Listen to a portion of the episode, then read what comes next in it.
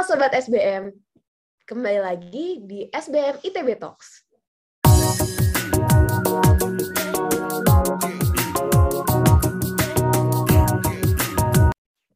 Saya, Cia Fania Nugra Putri, Kewirausahaan 2022, akan menemani Sobat SBM di podcast hari ini. Hari ini kita kedatangan tamu yang luar biasa, mahasiswa SBM ITB yang baru saja menoreh prestasi di L'Oreal Brainstorm 2022. Nah, L'Oreal Brainstorm itu apa sih? Gimana cara menangin kompetisi tersebut?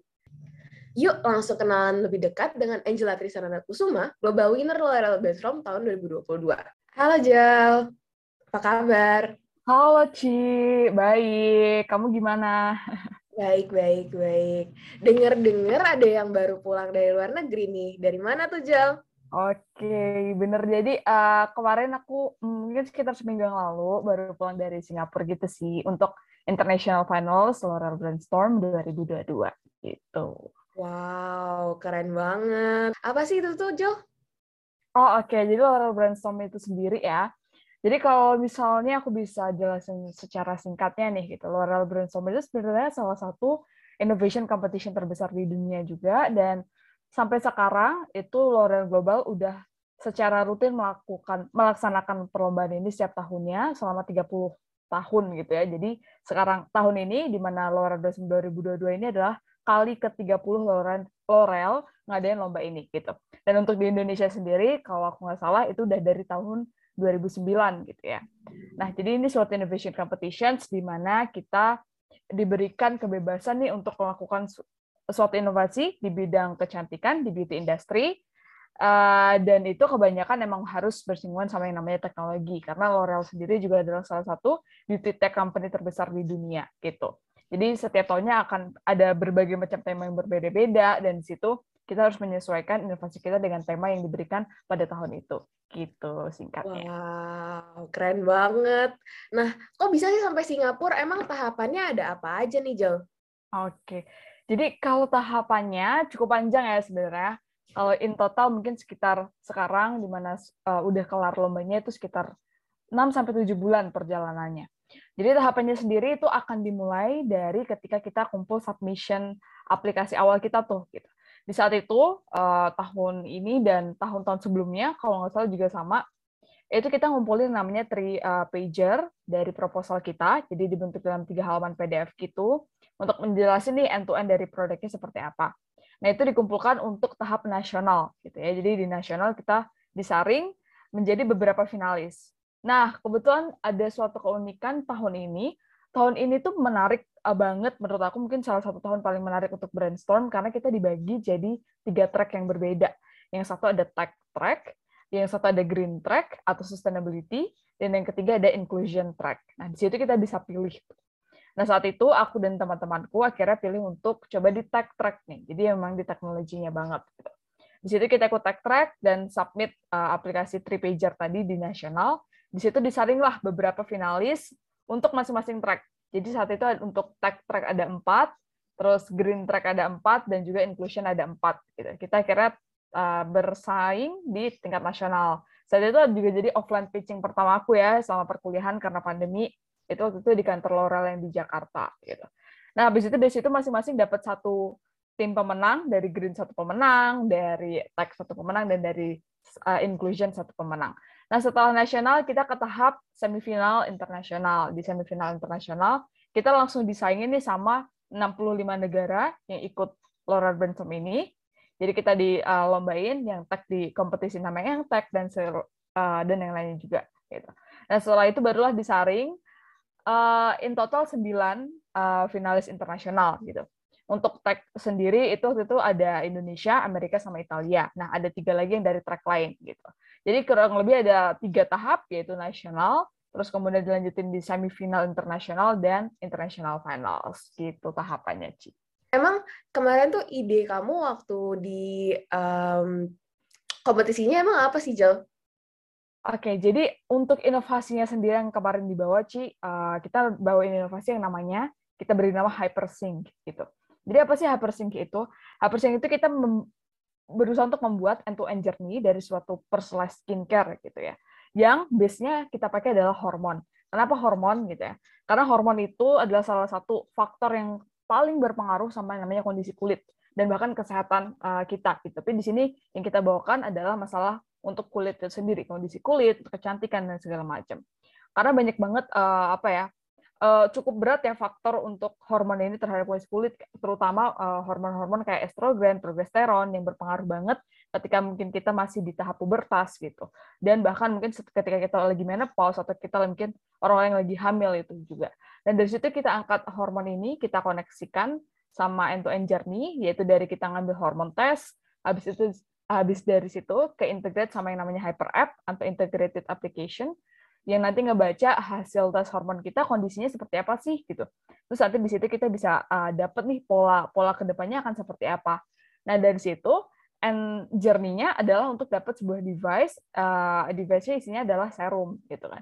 Jadi serum ini ada berbagai macam serum di dalamnya yang nanti akan di-adjust dosage-nya berdasarkan dari kondisi hormon seseorang yang dilakukan saat dia pertama kali tes tadi.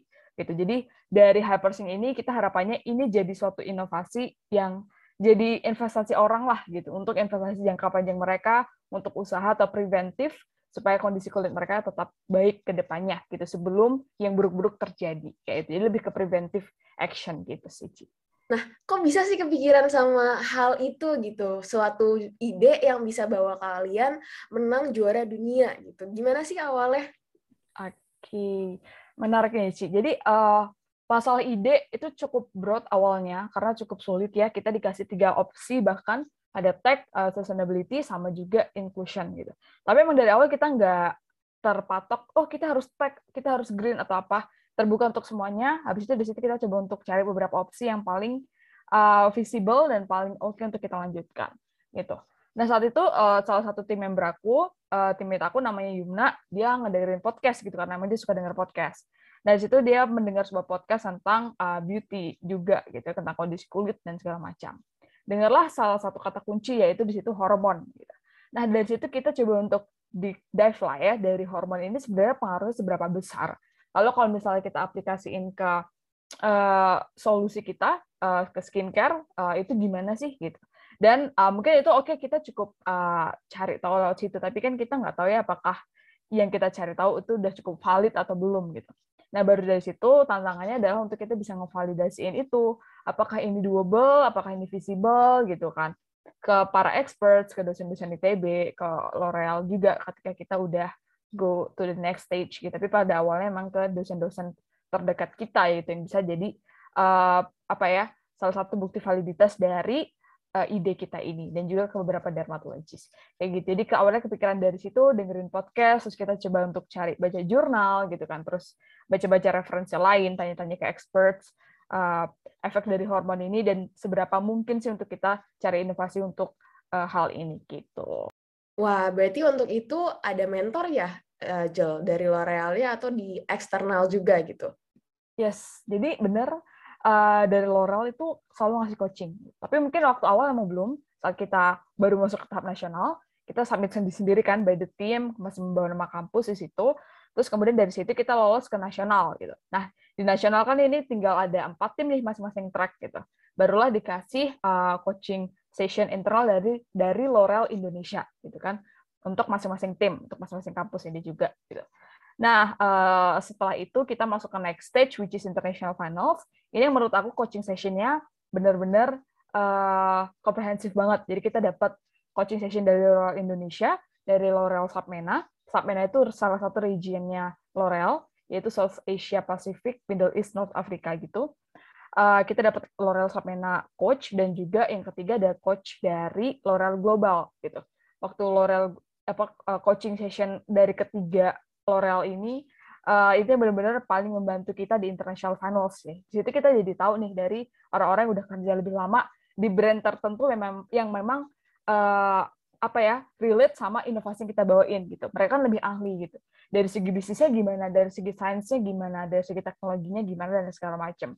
Hal-hal yang sebelumnya belum kita kepikiran sebelumnya yang belum kita considerkan dari situ kita improve karena hasil coaching itu sendiri. Jadi memang saling support baik dari kita nyari sendiri, dosen-dosen ITB yang bantu juga, dan juga kita cari misalnya dermatologis, tapi dari L'Oreal-nya juga bantu untuk kasih internal coaching dari tim L'Oreal mereka. gitu.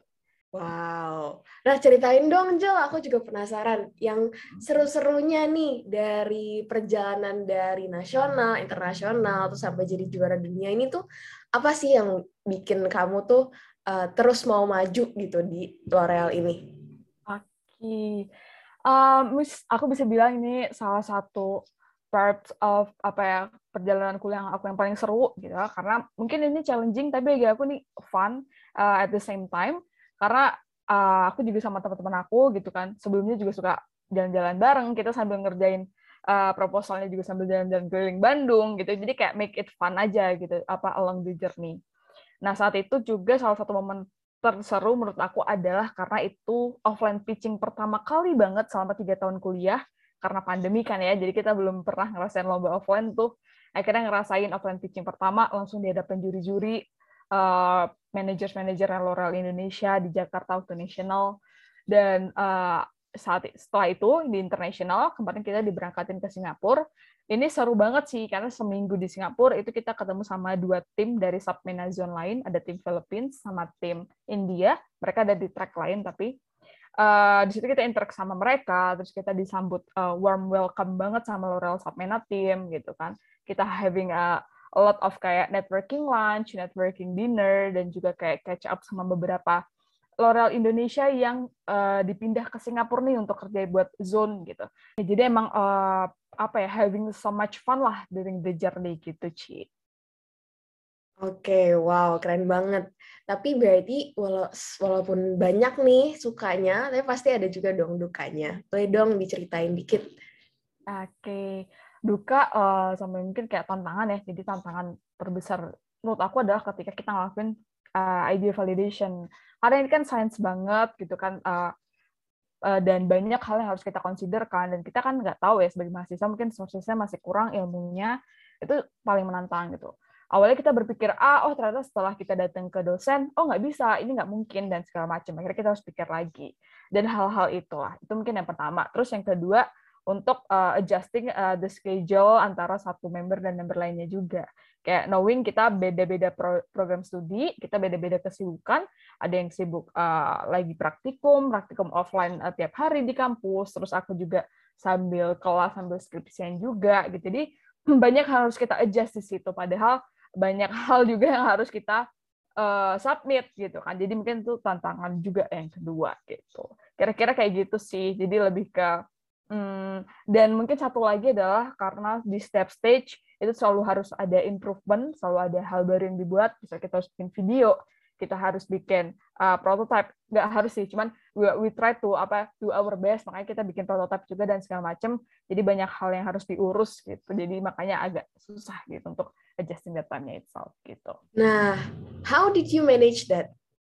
Uh, um, jadi karena apa ya aku udah mencoba untuk memprioritaskan nih C gitu untuk semester akhir sekarang ini kira-kira mana sih hal-hal yang uh, udah bisa coba untuk aku turunkan prioritasnya gitu kan. Terus uh, salah satunya adalah kalau misalnya tahun-tahun sebelumnya aku ikut lebih banyak lomba nih untuk semester ini aku memang choose untuk only one competition which is Carolina Brainstorm. Di situ kan aku jadi bisa lebih fokus dan nggak ke distract sama lainnya. Dan bisa fokus juga sambil kuliah fokus juga skripsian gitu kan.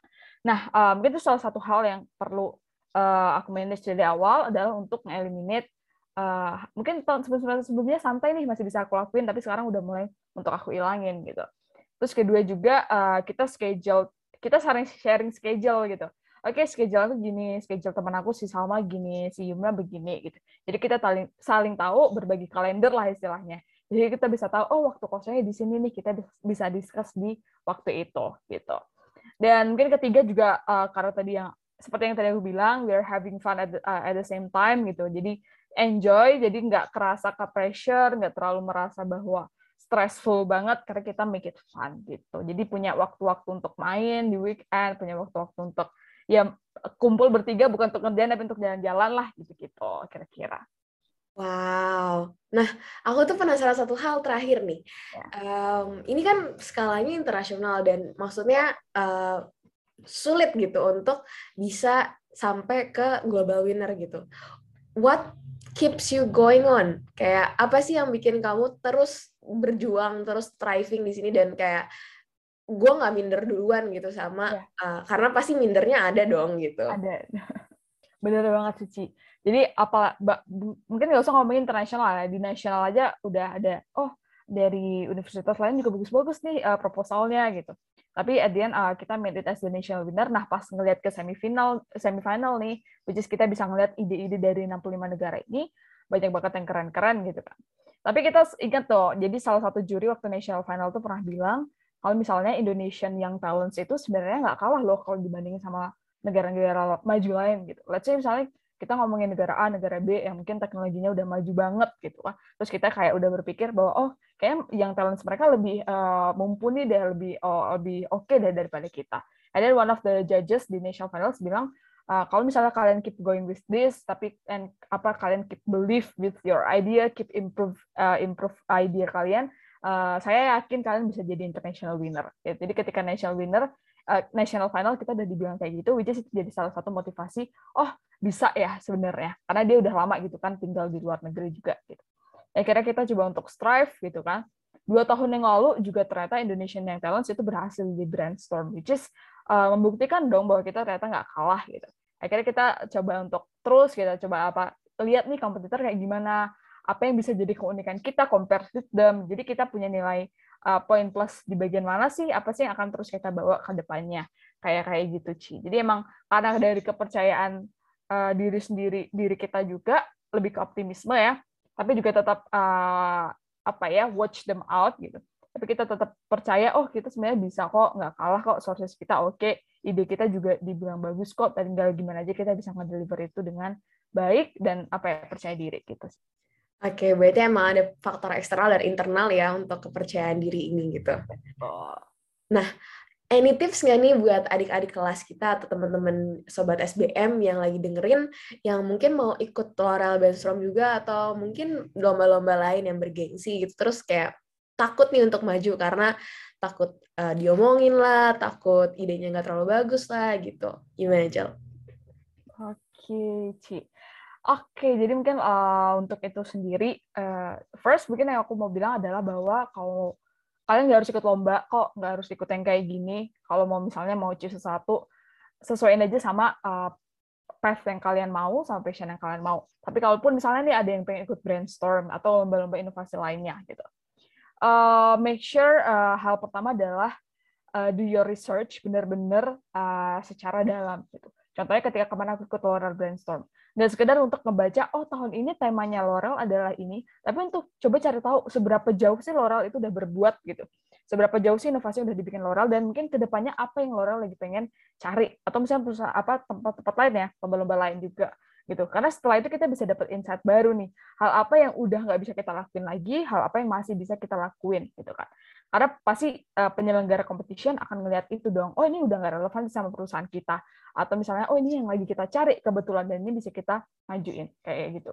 Terus mungkin next one adalah untuk uh, mau bertanya sama banyak orang gitu ya, minta bantuan dari dosen, minta bantuan dari mentor-mentor, dari expert lain, dari kakak tingkat. Karena itu sangat-sangat penting gitu. Kalau misalnya ke mana aku nggak dibantu orang-orang juga nggak akan sampai sejauh ini gitu.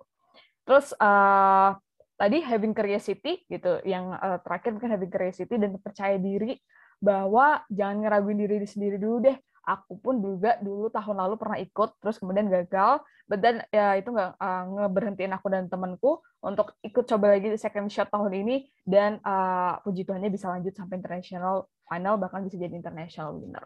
Jadi uh, dari aku itu uh, semoga bisa uh, ngasih insight lah kurang lebih sama yang lagi ngedengerin ini. Siapa tahu mau ikut Laurel Brainstorm tahun depan gitu.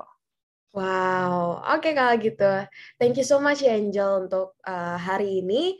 I hope you get a great day dan semoga sobat SBM yang dengerin juga bisa dapat insight baru dari Angela Trisananda yang jadi global winner dari uh, dari L'Oreal Brainstorm ini. Thank you Angel. Sure, you're welcome. Thank you Ci. Nah, jadi buat sobat SBM yang mau ikutan kompetisi internasional maupun nasional, nggak usah minder dulu. Karena yang penting itu kita percaya sama ide kita dan kita terus mau ngembangin ide kita jadi lebih baik. Terus saksikan SBM ITB Talks di Spotify dan YouTube SBM ITB. Jangan lupa juga untuk mengklik tombol like dan subscribe YouTube, memfollow Spotify, memberikan komentar, dan juga menyebarkan video ke platform media sosial yang Sobat SBM miliki. Sampai jumpa! SBM ITB for the great, good. good.